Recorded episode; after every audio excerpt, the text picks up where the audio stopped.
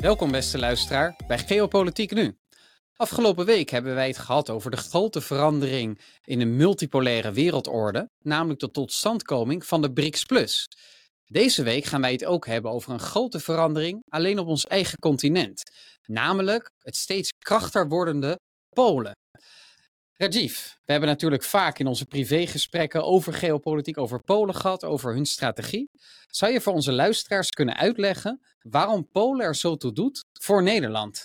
Ja, vooral als je in de steden woont, in Den Haag dan, zoals wij, dan zie je ook steeds meer Polen. Dus als eerste is een grote wordende diaspora. Met name in provincie Zuid-Holland, natuurlijk vanwege de arbeiders, in de tuinbouw, maar ook in de bouw in het algemeen. Maar daar blijft het eigenlijk niet bij. Polen werd eerder gezien, ja, het is een land dat erbij komt. Tuurlijk, is leuk, goedkope arbeidskrachten, truckchauffeurs, maar misschien blijft het daarbij. Maar je ziet dat Polen steeds meer zijn eigen weg inslaat. En daar gaan we het ook deze podcast over hebben. Wat houdt dat precies in?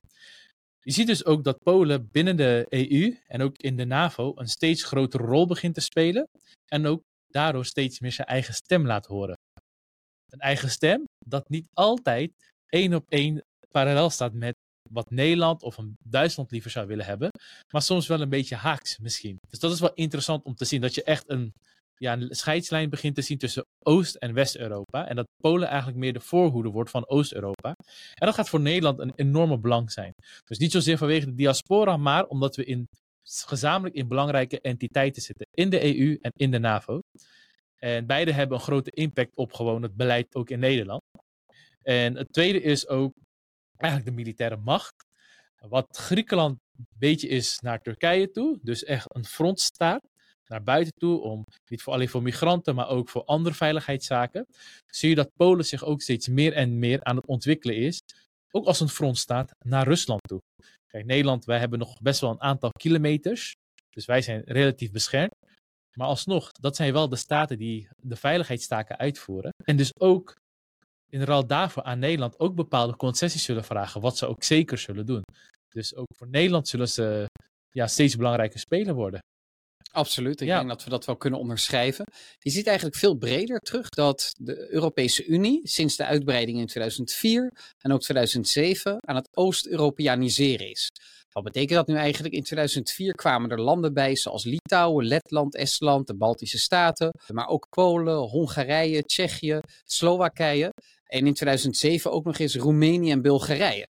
Dus eigenlijk ging de EU van dit naar dit. Dus dan kun je logischerwijs voorstellen dat het centrumpunt, het zwaartepunt van de EU, steeds meer naar het oosten gemanoeuvreerd wordt, gepusht wordt. Dus echt van een West-Europese Unie, echt een meer Europese Unie. Ja, een bredere Europese Unie. En de aanvoerder eigenlijk van het Oost-Europese blok, wat mij betreft, is toch wel Polen. Voor zover het een aanvoerder heeft, is het Polen. En dat heeft te maken met wat jij net zei. Dat ze namelijk een frontstaat zijn. Uh, zowel ideologisch zou je kunnen stellen, naar het westen toe. Namelijk Duitsland heeft duidelijk een andere eh, beleidsvorming en geopolitieke strategie dan Polen. Op bepaalde punten werken ze samen, maar op andere niet. Dus daar zijn af en toe botsingen toe. Maar vooral naar het verdere oosten toe zie je dat Polen een grensstaat is. Wat verder relevant is om te benoemen, dat de economie van Polen natuurlijk gigantisch gegroeid is. Sinds 2004 eh, ze onderdeel zijn geworden van de Europese Unie, is het gestegen van zo'n 250 miljard dollar naar een kleine 700 miljard dollar per jaar. Dat is een bijna verdrievoudiging, dus alle respect daarvoor. Dan groeit bijna naar Nederlandse. Natuurlijk, Nederland is nog wel 200 miljard dollar naar boven. Of bijna 300, 300 miljard. miljard. Ja, Nederland zit op ongeveer 1000 miljard dollar per jaar. Polen met meer dan 2,5 keer zoveel inwoners. Oh, dat ook nog, inderdaad. Ja. Hebben zij wel een fors kleinere economie. Maar toch, 17.000 dollar per jaar. Uh, dat maakt ze wel echt een middeninkomensland. En de vooruitzichten zijn tot nu toe heel erg positief. Foreign direct investment, dus de buitenlandse investeringen in Polen, die waren afgelopen jaar richting de 30 miljard dollar. Dat is heel erg veel en dat geeft dan ook een vooruitkijkje in hoeveel Polen in de komende jaren gaat produceren. Ja, dat is zoveel. veel. We dachten, we moeten het even controleren. We dachten zo, dit is wel echt veel. Ja, het is, is echt heel veel. En dat heeft natuurlijk ook te maken met dat. Ja, wat is dat even heel kort? Wat is een foreign direct investment? Waarom is dat zo'n belangrijk getal? Foreign direct investments zijn buitenlandse investeringen, dus van buitenlandse bedrijven met name, maar ook overheden in Polen. En dat is dus een blijk van investeerders dat zij zeggen: oké, wij verwachten dat de productiviteit van Polen zal toenemen en dat de winst daar te behalen valt. En daarom moet je altijd kijken naar FDI, foreign direct investment, buitenlandse investeringen, om een voorspelling te doen hoe een land er over twee, drie, vier of tien jaar voor staat. En in het geval van Polen is dat dus, blijkens dit getal, heel erg positief. En het is ook niet raar dat er veel geld geïnvesteerd wordt in Polen. Ook vanuit de EU kregen ze zo'n 10 miljard per jaar, zeg ik even uit mijn hoofd. Dus in totaal is het nu of 10 à 15 Ja, miljard. in totaal, ik had het even opgezocht als ik kijk. In totaal hebben ze sinds ze lid zijn van de EU 230 miljard gekregen. Ja, Van dus verschillende fondsen. Dus dan, ja, dan moet je wel stijgen. Ja, dan ga je fors groeien. Ja. Maar het heeft ook te maken met de opleiding van de bevolking. Jij gaf ook al in de voorbereiding op de podcast aan op PISA-toetsen. Dat is dus hoe wiskundig goed je eigenlijk bent, hoe goed jouw onderwijs ervoor staat. Scoren zij uitstekend. Dat resulteert er dan ook in dat hun eh, beroepsbevolking behoorlijk hoog opgeleid is. Dat is één. En twee, dat ze relatief weinig verdienen. En drie, dat ze ook meertalig zijn. Dus ze spreken ook gemiddeld genomen, het draait allemaal om het gemiddelde, behoorlijk vaak behoorlijk Engels. Ja. Ja, dat zorgt er natuurlijk ook voor dat je gemakkelijker zaken met ze doet. Dus daarom ook economisch zie je een zwaartepunt toe naar het oosten toe, waar Duitsland ook jarenlang van geprofiteerd heeft. En Polen zelf eh, eveneens. Sterker Dus- nog, een leuk feitje tussendoor. Eh, ik had ook opgezocht dat aan het eind van het decennium, dus rond 2030, dat het gemiddeld Poolse huishouden net zo welvarend is als het gemiddeld Britse huishouden. Ja, en dat zegt natuurlijk ook iets over het Britse huishouden, Ja, dat dat- de komende jaren wellicht armer wordt en de afgelopen jaren ook. Maar zeker ook over de Poolse groei, die niet onderschat mag worden. En het is natuurlijk ook logisch dat Polen ook verdere uitbreiding wil in Oost-Europa en op de Balkan, omdat daarmee het zwaartepunt van Polen ook groter wordt. En interessant om je daarbij te realiseren is dat zo'n grotere economische en geopolitieke macht ook erin kan resulteren dat je cultureel een grotere stempel kan drukken op de EU. En ook op de geopolitieke strategie van de NAVO. Dus nu associëren wij de EU dan ook als baken van progressieve waarden. En dat is denk ik ook wel terecht. Maar weet wel dat die Oost-Europeanisering uiteindelijk er ook voor kan zorgen dat misschien conservatieve waarden meer leidend worden voor de EU en ook voor Nederland. Dus houd hier rekening mee als je wilt dat de EU verder uitbreidt. Dat geldt ook voor democratische rechtsstatelijke beginselen. En vooral als je dus wilt dat het Europees parlement meer te zeggen krijgt. Dat is één, oké, ze krijgen meer te zeggen, maar inderdaad, die Oost-Europese landen die blijven ook conservatief stemmen. Denk je ook, dat staat even los van de meer geopolitiek aspect, maar denk je ook dat ze bij de uitbreiding dachten, weet je wat, laat Polen lid worden, we weten ze zijn nationalistisch, conservatief, maar als ze eenmaal welvarender worden, komen ze meer richting ons ja, liberale kant, als het ware. Zullen ze vanzelf wat meer liberale stemmen? Denk je dat dat ook echt Ja, ik denk dat dat een enorm grote rol speelde. En laten we ook eerlijk zijn dat op het moment, toen ter tijd dat Polen lid wilde worden van de EU, zowel in het traject naar Europees lidmaatschap toe, als ook in die periode erna, er vlak na, zag je ook dat Polen behoorlijk aan het liberaliseren was. Eh, de economische eh, factoren en beleidshervormingen spelen daar een rol in, maar ook als het gaat om culturele zaken, liberaliseerden ze wel. Het scharnierpunt eigenlijk in de afgelopen twintig jaar is natuurlijk de verkiezing eh, van eh, de PiS-partij, van Morawiecki en Kaczynski. Eh, die heeft sinds 2015 hebben ze eigenlijk de macht, deze partij. En die kwam natuurlijk ook op het moment dat er een migratiecrisis op het Europees continent plaatsvond. En daar zag je echt een heel groot schisma tussen Oost-Europa, onder leiding van Polen en ook wel Hongarije, en West-Europa. West-Europa wilde de grenzen opengooien. Oost-Europa wilde dat duidelijk niet. Nou, we zien nu eigenlijk terug dat Oost-Europa ergens wel gelijk heeft gekregen. Want nu zie je de mening breder gedeeld worden in de Europese Unie. In Duitsland, in Griekenland, in Italië, in Spanje, in Nederland, in België. Dat die migratieaantallen, als je de grenzen opengooit, te groot zijn. Maar het was wel een heel duidelijk scharnierpunt dat wij ons waarschijnlijk ook nog beide kunnen heugen.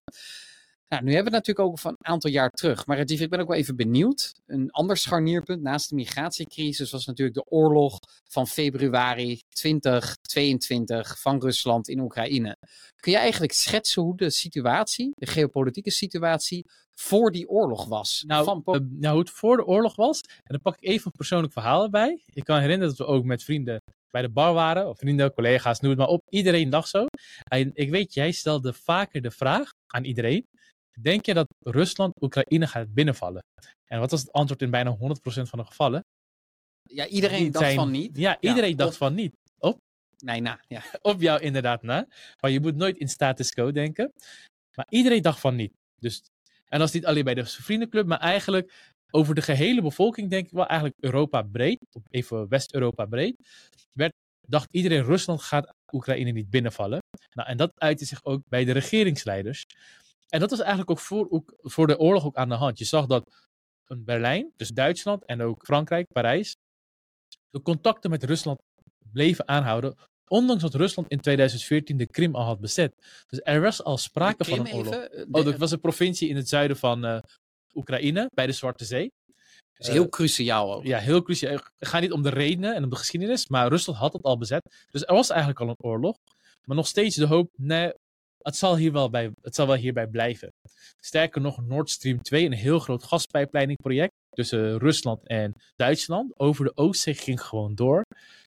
Ja, dus Nord Stream, dat was eigenlijk een gigantische gaspijplijn. Er zijn er twee van, Nord Stream 1, of wagen er twee van, Nord Stream 1 en 2. Nord Stream 2 is nooit in gebruik genomen, Nord Stream 1 wel. En die was eigenlijk bedacht eh, door zowel eh, CDU-CSU als de SPD in Duitsland. Waar zelfs de oud-premier Gerhard Schröder in Gazprom zat als Ja, bestuurslid. Dus zo de banden waren innig. Ja, we zagen heel als een, ja, het is niet leuk. Maar er waren Oost-Europese landen, met name Polen, die had hier al vaker voor gewaarschuwd. Van jongens, dit moet je niet doen. We worden te afhankelijk. En ze gingen ook Amerikaanse, met name Republikeinse haviken, konden ze ook aan hun kant krijgen. Moet je denken aan Ted Cruz en anderen. Oké, maar die spelen nu geen rol. Maar Polen zag dit al een beetje aankomen van we worden te afhankelijk van hun. En vooral vanaf het moment dat ze de Krim al hadden binnengevallen. En, wa- En- en waarom is dat nu eigenlijk zo? Dat is misschien toch nog wel relevant om te benoemen. Als je Nord Stream 1 gebruikt, dan gaat hij eigenlijk door eh, de oceaan ten noorden van Duitsland en ook ten noorden van Polen. En dan kun je eigenlijk Oekraïne en Polen overslaan voor gasleveringen. Dus dat betekent dat Rusland Oost-Europese landen zoals Polen, zoals Oekraïne onder druk kan zetten om zich te schikken naar Russische Ja. wensen. En Polen dacht, waarom? We zijn toch één Unie? Waarom laat je het gewoon niet via ons lopen? Dat is één. Dus inderdaad, ik zou ook een beetje, zoals we het noemen, achter, ja, argwanend zijn. En het tweede wat je ook zag is, kwam ook de energiewende. En daar weet jij meer van, maar ik, had begrepen, ik dacht altijd dat de energiewende dus kwam na het hele Fukushima gebeuren. Dus dat er een kerncentrale was ontploffen in Japan. En dat Rusland zei, nee, we stoppen met alle nucleaire kernenergie. We worden in vijf jaar willen we groen worden. Maar wat waren de resultaten?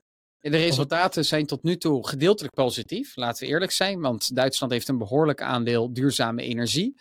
Wat betreft elektriciteit, zon en wind met name. Maar omdat zij de nucleaire reactoren hebben willen uitschakelen, werden zij afhankelijker van gas en van bruinkool en van steenkool. En daardoor is in heel veel jaren de CO2-uitstoot per verdiende euro hoger dan dat het in het verleden in het nucleaire tijdperk was.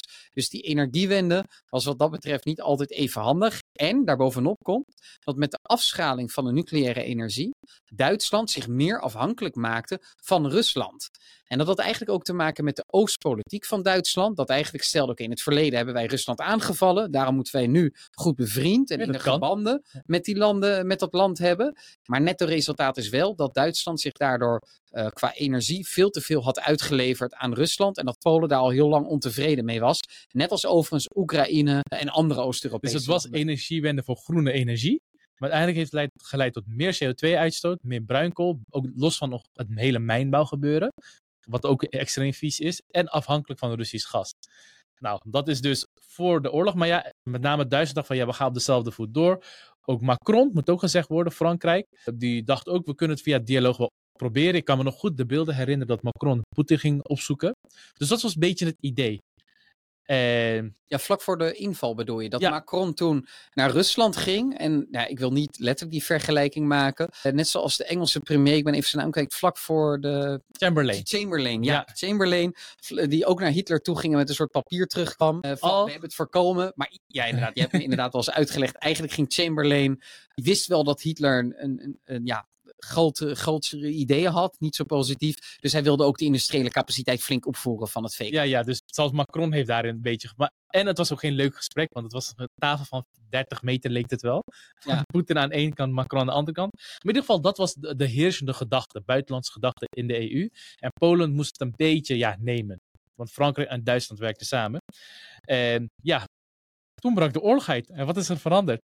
Ja, is het totale, totale zwaartepunt binnen de EU is eigenlijk wel veranderd. En als je even helemaal uitzoomt, zou je kunnen zeggen dat het Westen 2,5 geopolitieke grotere gedachten heeft. De nummer 1 is de transatlantische. Nou, wat houdt dat eigenlijk in? Dat landen als Amerika, Canada, het Verenigd Koninkrijk, Ierland, Australië, Nieuw-Zeeland en vaak sluit Nederland zich daar hier ook wel bij aan, met elkaar samenwerken voor de transatlantische maritieme strategie. En die is altijd heel erg kritisch op Rusland en hechtere banden met Rusland. Dat zie je vanaf eh, na de Tweede Wereldoorlog eigenlijk al ontstaan. De tweede, maar die delft wel vaak het onderspit, grotere strategische gedachte in het Westen is eigenlijk van continentale aard. Wat houdt dat in? Dat je eigenlijk ziet dat Duitsland, maar ook Italië en Frankrijk en soms sluiten andere continentale machten, dus vasteland, landen in Europa, zich daarbij aan. Dat zij eigenlijk ervoor pleit om hechtere banden aan te gaan met landen als Turkije en ook Rusland. En dat zij daarom ook wel eens voor appeasement kiezen. En als je dan weer wat verder naar het oosten opschuift en waar de angst voor een Turkije, maar vooral ook Rusland groter wordt, daar zie je weer. Ik, ik heb het een halfje genoemd, omdat ik denk dat zij wel een eigen dynamiek hebben in hun geopolitieke strategie. de Polen, de Baltische Staten, Oekraïne. Precies, dat soort landen. landen die sluiten zich eigenlijk meer aan bij de transatlantici, maar die hebben ook wel een duidelijke continentale strategie. En eigenlijk zien we dat het leiderschap binnen de EU steeds meer terecht is gekomen bij de combinatie van die Oost-continentalen en de transatlantici. En dat de centraal-continentale machten, dus Frankrijk en ook Duitsland, eigenlijk ingeboet hebben in het geopolitieke denken. Hun strategie, hun politieke denken, geopolitieke denken, is eigenlijk op een bepaalde manier verslagen. Dus als het ware, zeg maar, dat Anglo-Saxisch, dus Amerikaanse macht, geopolitieke macht, versterkt hierdoor in Europa. Ja, ze hebben heel gezegd. duidelijk bondgenoten in Oost-Europa, die zelf ook duidelijke havikken zijn. Je gebruikte het woord net al even voor Ted Cruz. En dat is natuurlijk ook lo- eh, logisch als je naar de geschiedenis kijkt. Eh, even een heel kleine terugblik op die geschiedenis van eh, voor 89. Ja, Toen waren kreeg echt medelijden bij de voorbereiding. Ja, inderdaad. Je geeft wel aan medelijden. Dit waren vazalstaten van de Sovjet-Unie, van Rusland dus eigenlijk. En zij werden op ja, buitensporige wijze geëxploiteerd. En dat was niet alleen na de Tweede Wereldoorlog het geval, maar ook in de eeuwen daarvoor. Heeft Polen permanent moeten strijden voor zijn bestaan. Tot en met de 17e eeuw was het echt een sterk land met een sterke cultuur. Een sterk rijk op een bepaalde manier. Nadien heeft het eigenlijk in de eeuwen daarna permanent moeten strijden. Heeft het zelfs een eeuw lang niet bestaan. Dus daar is, daardoor is er wel een, echt een soort never again mentaliteit die je Of ook twee in eeuwen. En in die twee eeuwen zijn ze bijna uitgeroeid. Ja. En eh, in de Tweede Wereldoorlog, dus er waren 5 miljoen doden, waarvan 3 miljoen Poolse Joden. Dus de helft van de Joodse holocaustslachtoffer was ook nog Jood. Dat heb je dan. Bij de Eerste Wereldoorlog zaten ze letterlijk op de front helemaal vernietigd. En ook daarna, ja, bevrijd, ik weet niet of je het bevrijd kan noemen, kwam de Sovjet-Unie. En die ging ook los. Toen kwam Stalin ook met de, nog een purge van Poolse nationalisten. Precies. En, ook, En wat eh, hierbij relevant is om te benoemen, denk ik, is dat voor de Tweede Wereldoorlog Polen al eigenlijk heel graag allianties aanging met andere landen. En dat deden ze toen ter tijd ook onder meer met Frankrijk. Ja. Met het idee van wij gaan een hechtere alliantie aan met Frankrijk, zodat op het moment dat het erom gaat, kunnen wij met Frankrijk samenwerken om bijvoorbeeld de Duitsers eh, weerstand te bieden of de Russen. Want de Polen wisten dat met een sterk Polen en een sterk Rusland als buren het lastig overleven wordt. Dus zij hadden als geopolitiek nagedacht en het was een verstandige strategie, waar het niet dat Frankrijk zijn afspraken niet nakwam. En deze dat zie je mentaliteit, terug nu ook. Ja, deze mentaliteit of deze tijd. story zie je terug in de hedendaagse identiteit van never again. Wij moeten voor onszelf opkomen. Wij zijn af en toe roepen in de woestijn. En ik denk dat sinds de oorlog in eh, Rusland er twee dingen heel erg van belang zijn. Het eerste is dat het Poolse wereldbeeld voor de Polen bevestigd werd. Namelijk, Rusland is een agressieve, expansieve macht. En het Westen is daar naïef in geweest, met name het continentale Westen, dus Duitsland en Frankrijk. En het tweede was dat eh, Polen een belangrijke rol moet spelen in eh, militaire macht worden en ook in de NAVO zelf. En dat is sindsdien dus ook het geval. Als het gaat om de opvang van vluchtelingen buiten Europa, dan is Polen het eerste land dat de grenzen sluit. Maar als het gaat om Oekraïnse vluchtelingen opvangen sinds Meer dan 2014 2 al, miljoen? Zeker sinds februari 2022 is Polen het eerste land dat verreweg de meeste Oekraïnse vluchtelingen heeft opgevangen. Daarnaast hebben zij heel fors geïnvesteerd in defensie. Altijd al. Zij waren samen met Griekenland en Amerika en het Verenigd Koninkrijk de enige vier landen die eigenlijk altijd voor het Rusland-tijdperk voldoende investeerden in defensie. Inmiddels willen zij zelfs de defensieuitgaven ophogen naar 4 à 5 procent van het BBP, wat echt heel erg hoog is. Willen zij het aantal militairen uitbreiden van wat is het? 150.000 ja, naar 300.000. Dus een verdubbeling. Verdubbeling, ja, ja. Dus dat is echt heel significant. En je ziet ook terug, en dat is misschien nog wel meer hardcore, dat zij de centrale rol spelen in de toevoerlijnen van wapens vanuit het Westen, vanuit Amerika met name, maar ook vanuit Europa, vanuit Duitsland, Nederland, Denemarken, naar Oekraïne toe. Dus de toevoerlijnen om Oekraïne op kracht te houden zijn cruciaal. De rol van Polen is daarin cruciaal. Ik zou er nog op twee punten door willen gaan, wat je zo hebt gezegd. Is één, uh, over het Frans-Duitse as. En wat voor, ja, of het nog leven heeft. Komen zo, zal ik zo een vraag over stellen. En andere is over de keuzes die Polen maken in het kopen van wapens. Ze doen het heel veel. En het opzetten van de eigen wapenindustrie. Als we even kijken, oké, de oorlog heeft plaatsgevonden, of vindt nog steeds plaats. Wordt de Frans-Duitse ja, blik op de wereld van als naïef beschouwd. Ja, van Polen weten we dat ze het altijd als heel naïef hebben gezien. Uh, de, en is het kwalijk. En als kwalijk. Maar denk je dat nu ook in heel, of in de rest van, want daar draait het eigenlijk om, in de rest van de Europese Unie, kies je leiders. En eerst was het, het zijn Frankrijk en ook Nederland, wij reden er volop aan mee. Frankrijk en Duitsland zijn een soort van de leiders van de EU. En wat zij doen, wij volgen hun. En we moeten wel zorgen dat onze belangen wel hier en daar goed behartigd worden hebben ook de rest van de EU-landen nu ook een beeld, of ook in Nederland, van ja, die Frans-Duitse blik, van Duitsland misschien nog meer dan Frankrijk, was wel heel erg naïef. Wij zullen in de toekomst meer naar Polen luisteren. Of kan je het bijvoorbeeld zo, van Oost-Europa, zie ik dat ook eerder gebeuren. Moest het misschien met West-Europa en Zuid-Europa? Hoe denk jij daarover? Ik denk het wel. Namelijk, Polen was voor de oorlog in Rusland op een bepaalde manier, niet helemaal letterlijk, maar werd best wel als een soort paria gezien in de Europese Unie vanwege uh, rechtsstatelijke hervormingen, die eigenlijk de rechterlijke, rechtsprekende macht in Polen in het gevaar bracht. Vanwege de migratieaanpak verwerd Polen best wel eens tot een soort paria waarin eh, de nieuwe partij Recht en Rechtvaardigheid onder leiding van Morawiecki en eh, Kaczynski probeerde er een eenpartijstaat van te maken in de ogen van West-Europeanen. Dus daarom wilde je niet te veel met Polen geassocieerd worden. Sinds februari 2022 zien we daar wel een grote verandering in. En moeten we ook gewoon eerlijk zijn dat Nederland een van de aanvoerders is in de alliantie van Europa om Oekraïne te steunen. Nederland heeft er echt een leidende rol in. Maar Polen minstens net zo, waarschijnlijk zelfs nog een stukje meer. En dat in die zin de legitimiteit voor de zorgen van Polen, maar ook voor de geopolitieke basis, heel erg vergroot is. Dus dat landen inderdaad Polen opzoeken als het gaat om allianties aan te gaan. En Polen is ook dus de aanvoerder van sancties opleggen aan Rusland. En heeft daar, dat heeft ook wel een wicht geslagen in de van oudsher sterk zijnde samenwerking met Hongarije. Want Hongarije uh, blokte altijd veto's, sprak altijd zijn veto uit voor uh, sancties naar Polen toe. En Polen deed dat vice versa. En Hongarije wil juist geen zwaardere sancties opleggen aan, aan, Rusland, Polen wel. Dus hierin zie je ook wel dat er een wicht geslagen is tussen beide landen. De vraag is hoe ver zal het uiteindelijk gaan. Ik denk dat dat allemaal wel meevalt. Uh, maar dat Polen dus wel meer gewicht wordt toegekend. Ja, sterker nog, ook bij Hongarije denk ik van ja, het wordt zo'n machtige buurt, die willen we gewoon te vriend houden. Ja, het zou ook in het belang zijn van Hongarije om de banden met Polen hecht te houden. is het denk ik ook dat, de geschiedenis ook zien, dat EU-landen zullen denken, met name Oost-Europese landen, kijk bij Polen, zij voegen tenminste daad bij woord en het blijft niet vaak bij praten. Terwijl het bij een Duitsland, misschien, want zij kozen ook echt voor die term strategische geduld. Daar blijft het vooral bij praten. Kan dat het beeld ook zijn bij veel landen, maar ook bij de bevolkingen? Denk je dat het uh, zal groeien? Ja. Ja, ja, dat denk ik wel. En je ziet dezelfde mentaliteitsverandering ook in Duitsland terug. En het kost dan ook tijd om daar je beleid op aan te passen. Dus dat moeten we gewoon afwachten of Duitsland voldoende het beleid gaat aanpassen. Maar in Duitsland heeft natuurlijk ook een wende plaatsgevonden. Uitgeroepen door uh, Scholz, uh, premier, de Bundeskanzler van Duitsland. En die zei ook: wij moeten echt radicaal veranderen ten opzichte van het verleden. Om ervoor te zorgen dat Duitsland zichzelf in de toekomst kan beschermen. Dus je geeft al aan dat die je ziet al dat die mentaliteitsverandering breder in de EU uh, eh, heeft plaatsgevonden. Zo ook in Duitsland zelf. Oké. Okay. En die Frans-Duitse as nog even, want mhm. daar wilde je ook naar vragen. Heeft hij aan uh, invloed ingeboet? Allure, invloed.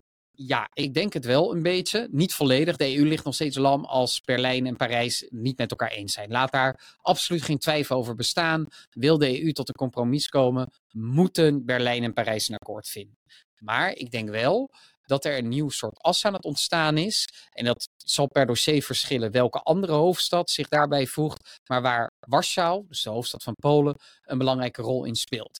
Wat ook wel logisch is, want Polen heeft bijna 40 miljoen inwoners. Daarmee is het het vijfde land qua inwoneraantal van de EU. De top 4 bestaat uit Duitsland, Frankrijk, Italië, Spanje. En het vijfde land is Polen. En dat is natuurlijk ook wel een soort aanvoerder van Oost-Europa. Oké.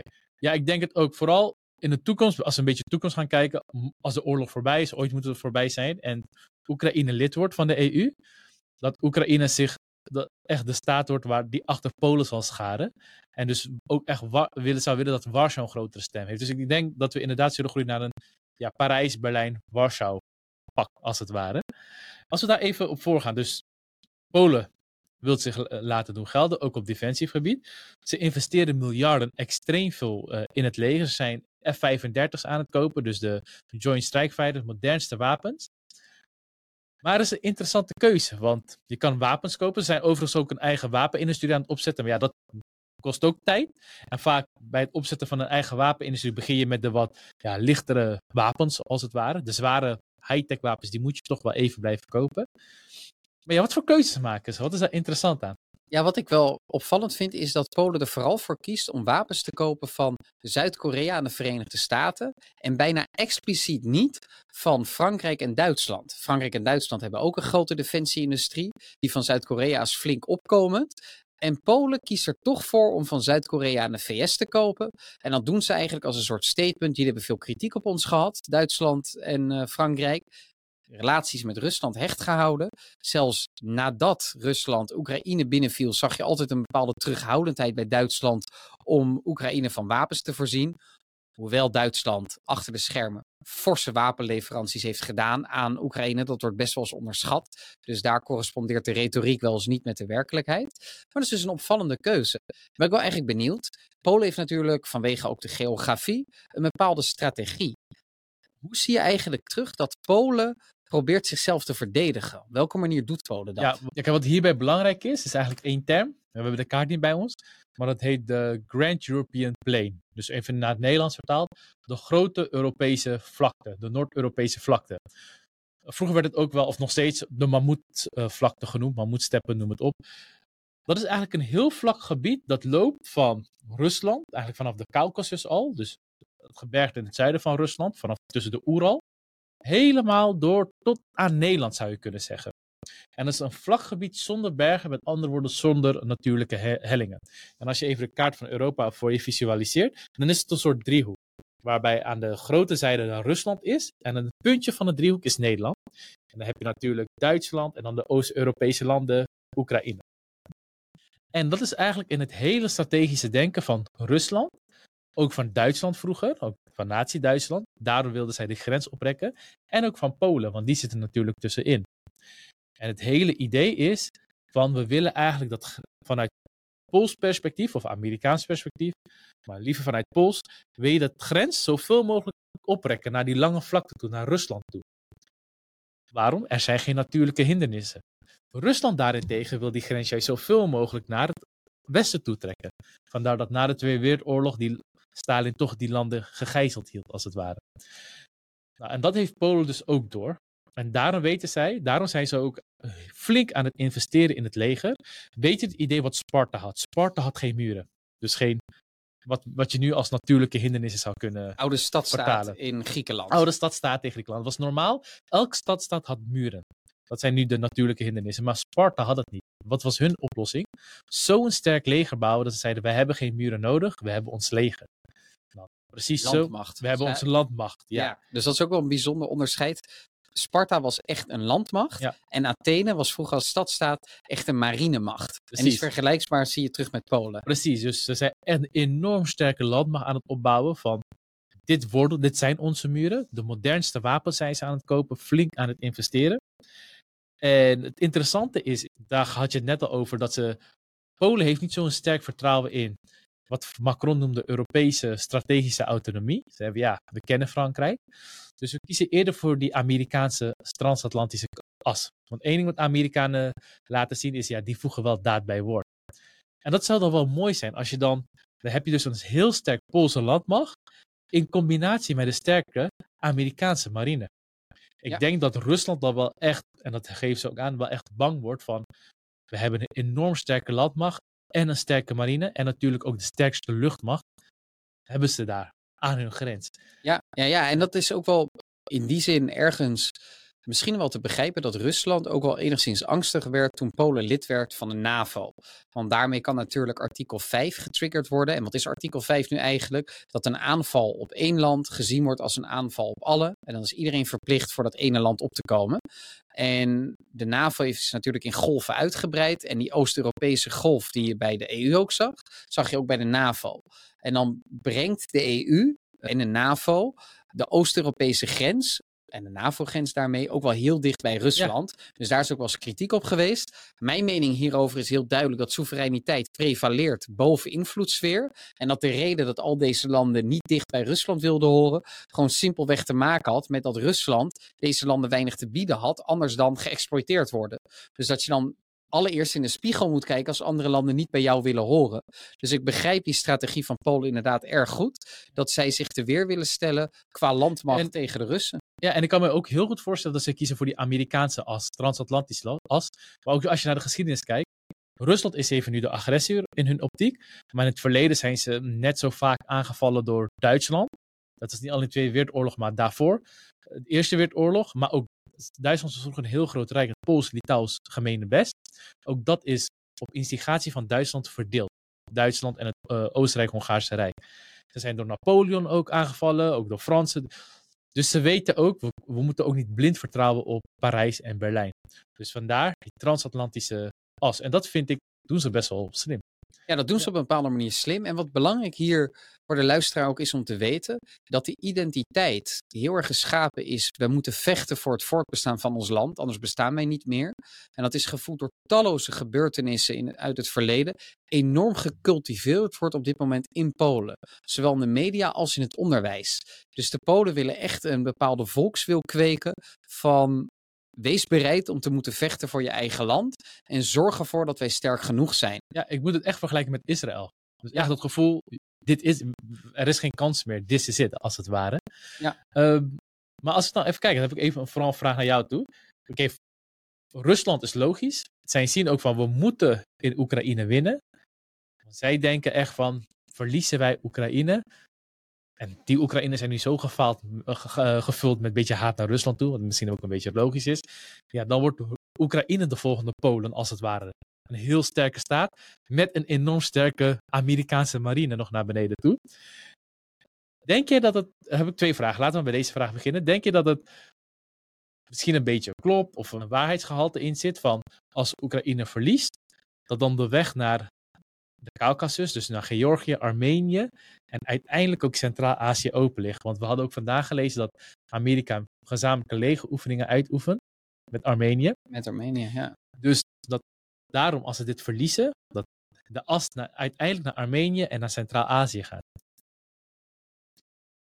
Nee, dat, ik denk niet dat Rusland ooit aangevallen wordt, als dat je vraag is. Maar wat ik wel denk, is dat op het moment dat Oekraïne de oorlog wint en volledig democratiseert, en hoeft het niet per se het Nederlands model te worden, maar gewoon economisch stevig groeit, rijker wordt, dat de kans dat er opstanden gaan ontstaan in Rusland wel veel groter wordt. Omdat zij simpelweg veel meer familiebanden hebben en zoiets hadden van, hè, wij waren toch altijd net zo rijk als de Oekraïners. Als ik heel rijk worden en een leuker stelsel hebben dan wij, dan willen wij dat ook hebben. Dus ik denk dat die kans dan groter wordt.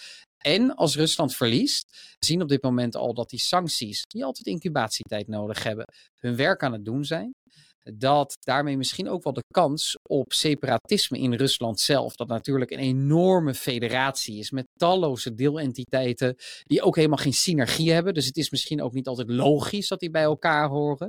Dat die misschien ook wel met wat buitenlandse stimulans wel eens misschien uiteindelijk separatistische bewegingen kunnen gaan ja, kweken. Om een, ja, want je hebt nu Tsjetsjenen, dat zijn strenge islamieten, zitten in hetzelfde land met boeddhisten in het oosten. die weer een hele andere uh, identiteit hebben. Precies, dus die kans bestaat dan wel, denk ik. Ik denk niet zozeer dat er direct aangevallen zal worden. Dat geloof ik niet. Maar dat het voor het Russisch regime funest is, ja, dat denk ik wel. Okay. En wat, dan zien we dit in die identiteit in onder- en bovenstromen ook wel terug. Ik denk als je naar de 20e eeuw van Polen kijkt, dat er altijd een bepaald sentiment was voor nationalisme. En dat die door de uh, onderdeel te worden van de EU en ook van de NAVO uiteindelijk ook een weg heeft gevonden naar boven toe. Dat die nationalistische onderstroom die ze heel lang hebben moeten onderdrukken, dat die nu ook duidelijk naar boven is gekomen. En je ziet dat die identiteit ook met elkaar strijden in de politiek, maar dat ze allemaal een bepaald rechtsconservatisme hebben. Dus de drie grotere partijen van Polen op dit moment, komen we later misschien nog op terug, zijn ook de conservatieven, dus de christendemocraten, zo noem ik het maar even, onder leiding op dit moment van Donald Tusk, die premier was tussen 2007 en 2015. Toen uh, de president werd van de Europese Raad, dus van alle landen om het zo maar te zeggen. Dus daarom zal hij misschien de luisteraar ook bekend voortkomen, voorkomen. Nou, die is toen uiteindelijk opgevolgd door een nog rechtsere partij van Recht en Rechtvaardigheid. En de derde partij op dit moment van Polen in de peilingen, volgende maand zijn er verkiezingen, is van een nog rechtsere partij. En dat is een soort, ja, ik noem maar even een verenigd front van rechts en ver rechtse partijen. Extreem rechts, zo je wilt, of populistisch rechts, of nieuw rechts, geef er een naam aan, maakt me allemaal niet zoveel uit. Nationalistisch rechts. En die is nog rechtser. Dus dat zijn de drie grootste politieke partijen op dit moment dus van meest Polen. Linkse, En die zijn allemaal rechts. de meest linkse partij is een centrumrechtse partij in Polen. Ja, die ertoe doet. En dan heb je nog eentje op links die ook wel behoorlijk aan het groeien is. Dat is een centrum-linkse partij. Maar die is wel echt wat kleiner dan deze drie. Oké. En dan heb ik nog een andere vraag. Hebben we niet voorbereid, dus ik ben benieuwd wat je mening is. Je ziet dat de Poolse macht steeds groter wordt in de EU. En dat zij duidelijk kiezen voor die transatlantische as. Dat komt gewoon hun veel beter uit en daar kunnen ze meer op bouwen. Volgend jaar zijn in Amerika ook verkiezingen. En er is een kans, hoeft niet per se, maar dat de Republikeinen winnen. En tot nu toe hebben de top drie Republikeinse kandidaten allemaal gezegd dat zij de steun, dus we hebben het over Trump, uh, Vivek Ramaswamy en Ron DeSantis, gezegd dat zij, als zij president wonnen, uh, worden, dat zij de steun zullen intrekken. Of het zal een variant zijn van, wij stoppen met betalen, wij, we leveren wapens, maar dan moet EU zelf betalen voor onze wapens. Stel je voor dat gebeurt. Ja, en ze kunnen winnen, de Republikeinen. En ja, of ze nou echt daad bij woord voegen, maar je weet het maar nooit, ze voegen daad bij woord. Ze zeggen, ja, we stoppen met het leveren van wapens. Wat zal dat met de oorlog misschien doen? Maar nog interessanter, wat zal dat met de positie van Polen doen? En hoe zal Polen dan denken van over de transatlantische as? Want ze hebben al geen vertrouwen in de continentale as. Ja. Ik, uitstekende vraag, denk ik. Ik denk dat uh, Polen een keiharde lobby zal inzetten, ook bij de Republikeinen, om te voorkomen dat steun aan Oekraïne uh, wordt ingetrokken. En ik denk dat Polen ook wel kans van slagen heeft bij de Republikeinen. Waarom Polen wordt gezien als een soort, ik ga de term maar gebruiken, conservatieve helstaat in Europa. Migratie tegengehouden, katholieke waarden worden gecultiveerd, abortusrechten worden ingeperkt. Dus op een bepaalde manier is het een soort ideaalbeeld, nog eens nationalistisch, van wat de conservatieven, de Republikeinen in Amerika graag willen zien. Dus ik denk dat een dergelijke lobby een kans van slagen heeft vanuit cultureel perspectief. Daarnaast is er wel een consensus bij Republikeinen en Democraten om meer troepen te stationeren in Polen. Dus op dit moment zijn er, wat was het, 10.000 à 15.000 troepen van Amerika in Polen. Om eigenlijk die oostelijke grens van de NAVO te voorzien van meer mankracht. Zeker, die zijn van Duitsland naar Polen gegaan. Ja, gedeeltelijk ook nog van Duitsland naar Polen toe. Omdat Polen zich wel houdt aan een NAVO-norm van 2% van het BBP uitgeven. Dus ik denk dat zij die bilaterale relatie heel erg proberen te koesteren en proberen te versterken. Wel denk ik dat het voor Polen wederom bevestigt dat de enige weg naar autonomie er één is van zelfsterk zijn. Dus ik denk dat het wat dat betreft, qua strategie, niet zoveel verandert. Want Polen investeert al fors in eigen defensie, probeert al autonoom zichzelf te kunnen beschermen, maar dat ze wel proberen andere landen via lobbyen uh, aan zich te binden. En dat zal in Amerika niet anders zijn en dat proberen ze in de Europese Unie ook. Waar bijvoorbeeld de ambassadeur van Polen, maar ook van Oekraïne, enorm kritisch geweest is in Duitsland op Duitsland zelf. En daardoor ook wel eens misschien invloed heeft uitgeoefend op het beleid van Duitsland. Dus ik denk dat Polen op die manier probeert te voorkomen dat steun wordt ingetrokken. Hoe succesvol het is, weet ik niet. Mijn inschatting is dat het behoorlijk succesvol kan zijn. Maar dat zij, ook al wordt die steun ingetrokken, alsnog kunnen rekenen op Amerikaanse steun voor Polen zelf. Op die manier. Wat denk jij? Ja, ik denk het zelf ook. Het is moeilijk. Ik- als ze zouden winnen en zouden steun... Dat zou kunnen gebeuren. Of, want dat zeggen die Republikeinse kandidaten ook, we, we trekken onze handen ervan af. Ik zou misschien een mogelijkheid kunnen zijn dat Polen denkt van, oké, dat wij moeten dan die rol invullen. Dat wij hebben dan niet de industriële capaciteit. Al zie je wel dat de Europese landen nu flink bezig zijn hun industriële capaciteit op te voeren. Want die oorlog in Oekraïne is een industriële oorlog. De laatste in Europa was de Tweede Wereldoorlog. Het is een uitputtingsoorlog. En onze munitiekist is op dit moment leeg van Europa. Ja, voor ons is het le- leeg. Van Amerika niet, maar ze hebben de industriële capaciteit. Al is daar begin de eind ook aan het zicht te komen. Voor Rusland ook. Alleen wat het is, Rusland heeft hun hele economie ingezet op een oorlogseconomie. In Europese landen kan je dat niet snel doen. Wat betekent voor de luisteraars dat je eigenlijk alles in het werk stelt om een oorlog te winnen. Dus ja, we stoppen met onze baan als docent. Of we mogen doseren, maar alleen iets wat echt belangrijk is voor de oorlog. Als Ja, het ware. En ook de industriële capaciteit. In plaats van dat je auto-onderdelen maakt, stel je de fabriek in op het maken van eh, tankonderdelen. Ja. En dat kan korte termijn goed gaan. Maar uiteindelijk boet je dan zoveel in op je economische groei. Dat je dan uiteindelijk niet een duurzaam verdienmodel hebt als land. Ja, klopt. Dus voor, voorlopig voor een korte tijd kan je het doen. Dus Rusland zit daarop in en zij weten dus ook dat het, of ze gaan ook voor dat het een lange oorlog kan worden. De vraag is dus inderdaad, houden wij dat vol? Zal een Polen ook die leiderschap kunnen volhouden? Ja, dat weet ik eigenlijk. Weet ik eigenlijk niet. Ik ben wel bang dat als de Amerikanen hun steun terugtrekken, dat, dat wel het, het verhaal een beetje vastloopt. Maar inderdaad, dat het voor Polen een bevestiging wordt van ja, uiteindelijk zie je dat je op niemand echt kan vertrouwen. Nee, tegelijkertijd als verdediging voor de EU. We zien wel dat de EU en ook Duitsland daarin. Ik ben altijd kritisch geweest in de podcast op Duitsland. Maar ik moet wel, wat ik net ook al eh, benadrukte, zeggen dat de EU op dit moment voor meer dan de helft steun heeft geleverd aan Oekraïne. Dus de EU, alle landen tezamen, eh, Polen, Nederland, Verenigd Koninkrijk reken ik ook even mee. Duitsland, Spanje, Italië, noem ze allemaal maar op, hebben samen meer dan de helft van alle steun, militair en ook financieel geleverd aan Oekraïne. Dus meer dan de Verenigde Staten. Dus dat is wel even goed om nog te benadrukken.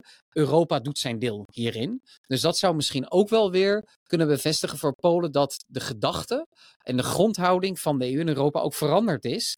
En dat misschien ook wel continentaal Europa zich heel erg gevoegd heeft naar Polen toe. Dus het oude continentale, Ja. het westcontinentale. Ik heb nog dan een laatste vraag, dus kunnen denk ik naar het eind toe, is mensen geven, of er wordt aangegeven dat Polen steeds machtiger wordt en dat de stem van Polen steeds meer toe doet. Los van de oorlog in Oekraïne, dat is één belangrijk issue. Is een ander belangrijk issue, ja, niet zozeer even de democratie, mensenrechten of homorechten, dat laten we even, parkeren we buiten, maar klimaat. We zien dat bij de klimaataanpak, als vooral ook Polen is geweest, dat heel veel van die plannen heeft tegengehouden. Nou, volgende week zijn er verkiezingen. Het zijn, of hoe Volgende dan ook, of volgende maand zijn er verkiezingen. Hoe dan ook een rechtskabinet. Polen wordt in de toekomst steeds sterker en sterker. Wat voor invloed zal het hebben, denk je, op de eh, EU-klimaatambities en de klimaatplannen? Dat kan zeker een invloed hebben. Want We zijn- er wat, eh, energie natuurlijk bestaat uit drie waarden: betrouwbaarheid, duurzaamheid en betaalbaarheid. En Polen is niet fanatiek tegen of fundamenteel tegen verduurzaming van het land. Maar wij moeten van Polen begrijpen dat elk verduurzamingsplan getoetst zal worden aan energieonafhankelijkheid en soevereiniteit van Polen zelf. Dus daar kan verduurzaming van de energievoorziening aan bijdragen. Wind en zon zorgt ervoor dat jij minder hoeft te importeren. Dus voor zover verduurzaming bijdraagt aan een betrouwbare, betaalbare energievoorziening, zul je aan Polen een bondgenoot hebben. Op het moment dat Polen te veel moet inleveren als het gaat om de geopolitieke onafhankelijkheid, zal Polen tegenstribbelen. Zij toetsen alles dus op onafhankelijkheid, strategische onafhankelijkheid. Ja, wat mij betreft, als het gaat om energiebeleid, ja. En dat heeft gewoon een prijskaart. Dus op het moment dat je aan Polen vraagt, gaal de kolencentrales af, dan zeggen zij, oké, kom met een alternatief. En denk met ons mee en financier dat ook nog eens. Dus af en toe kan Polen ook wel een iets te veel nemende rol hebben in de EU. En is de vraag ook wel eens gerechtvaardigd, zeker nu Polen steeds rijker wordt, wat heb jij te bieden voor ons? Oké, we begrijpen, misschien qua militaire macht worden jullie steeds sterker, dus dan hebben jullie veiligheid te bieden. Maar uiteindelijk moet je ook wel iets op tafel leggen. En we zien dus ook terug dat Polen voorstander is van uitbreiding van de EU op de West-Balkan en ook verder in Oost-Europa. En dat er dus veel armere landen bij de EU gevoegd gaan worden. En dan is het interessant om te zien wat Polen gaat doen op het moment dat er gezegd wordt: jullie krijgen niet meer die 10 à 15 miljard per jaar. Sterker nog, jullie worden netto betaler aan de EU. Kijk hoe Polen in dat dossier staat. Maar als het gaat om de bescherming van de buitengrenzen, eh, bijvoorbeeld naar Wit-Rusland toe, dat natuurlijk onder leiding van uh, Rusland probeert migranten uit het Midden-Oosten naar Wit-Rusland te laten vliegen, naar Minsk en dan uh, de grens over te jagen. Daarin denk ik dat Polen overduidelijk de steun heeft gewonnen van de EU. En dat er ook niet meer naïef gezegd wordt: gooi die grenzen maar open en laat je eigen economie, laat je eigen samenleving maar destabiliseren. En is het harde beleid van census sluiten inmiddels wel de lijn van de EU geworden. En zeker nu 5000 troepen van de Wagner-groep, dus de, hoe zou ik het zeggen, de vuile klusjesopknapper van het Kremlin. Inmiddels zeker nu de, er een nieuwe leider is aangesteld, nu Prigozhin is doodgeschoten. Of niet doodgeschoten, maar is doodgemaakt, ja. is neergehaald. Uh, denk ik dat Polen op steeds meer steun kan rekenen voor dat harde migratiebeleid uh, aan de oostgrens. En daardoor ook bredere steun gaat Ik denk ontvangen. dat in ruil daarvoor Polen dan ook meer bereid zijn voor die klimaatplannen. Maar ik bedoel, nu deze oorlog laat ook aan Polen zien, we hebben elkaar meer dan ooit nodig.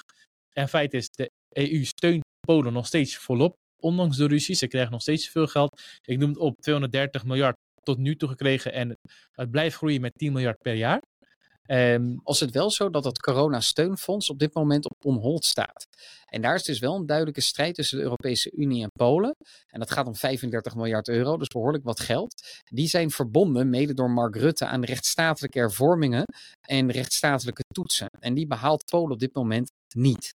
Het wordt nog wel een gevecht en de EU wil duidelijk afwachten, die verkiezingen. Die wil ook nu niet vooral laten blijken, wij geven dat geld niet. Want daarmee zorg je er eigenlijk misschien ook wel voor dat uh, de, recht, de, de PiS-partij, ja. onder leiding van Morawiecki en Kaczynski, de wind in de zeilen krijgt. Zij hopen dat Donald Tusk wint.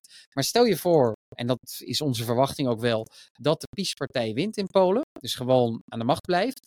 Dan wordt het dan wel een grote strijd tussen de EU en Polen om die corona-herstelmiljarden te krijgen. Ja. En dan ben ik heel erg benieuwd wat er gaat gebeuren. Ja, in ieder geval een uh, verhaal dat nog vele gevolgen zal hebben. Uh, nou, beste luisteraars, we hebben het gehad over Polen. Waarom Polen steeds machtig wordt, waar dat vandaan komt. En ook eigenlijk nog belangrijker, waarom ze zo denken. En wat voor invloed de situatie, de oorlog in Oekraïne heeft gehad. En hoe de situatie in Europa eruit zag voor de oorlog in Oekraïne en daarna dat de Frans-Duitse als meer als de naïeve as wordt gezien en de Poolse, Poolse denken meer als de havik, meer het realiteitszin. Nou, wat voor impact heeft het op de rest van de EU? Wat voor invloed heeft dit alles natuurlijk op Nederland? En waarom is het ook voor ons, voor Nederlanders, van belang om dit in de gaten te houden? Los van dat we ook heel veel Polen in Nederlanders hebben, of we heel veel Polen in Nederland hebben. En natuurlijk ook over de wapenindustrie van Polen, die steeds meer zal groeien. En hoe deze groeiende Poolse invloed ook invloed zou hebben op andere beleidsissues. Zoals wetgeving, democratie, rechtsstaat, misschien energie. homorechten, energie, klimaat, biodiversiteit. Ook daar zal Polen steeds meer zijn stem laten horen. Misschien niet één op één hetzelfde is als onze stem. Nou, hoe zal dit zich verder uitvouwen? Nou, we hopen dat jullie heel veel hebben geleerd en het ook heel interessant vonden. Wij vonden het zelf ook heel interessant. En we hopen dat jullie natuurlijk afscheid hebben genomen van je ongeïnformeerde zelf.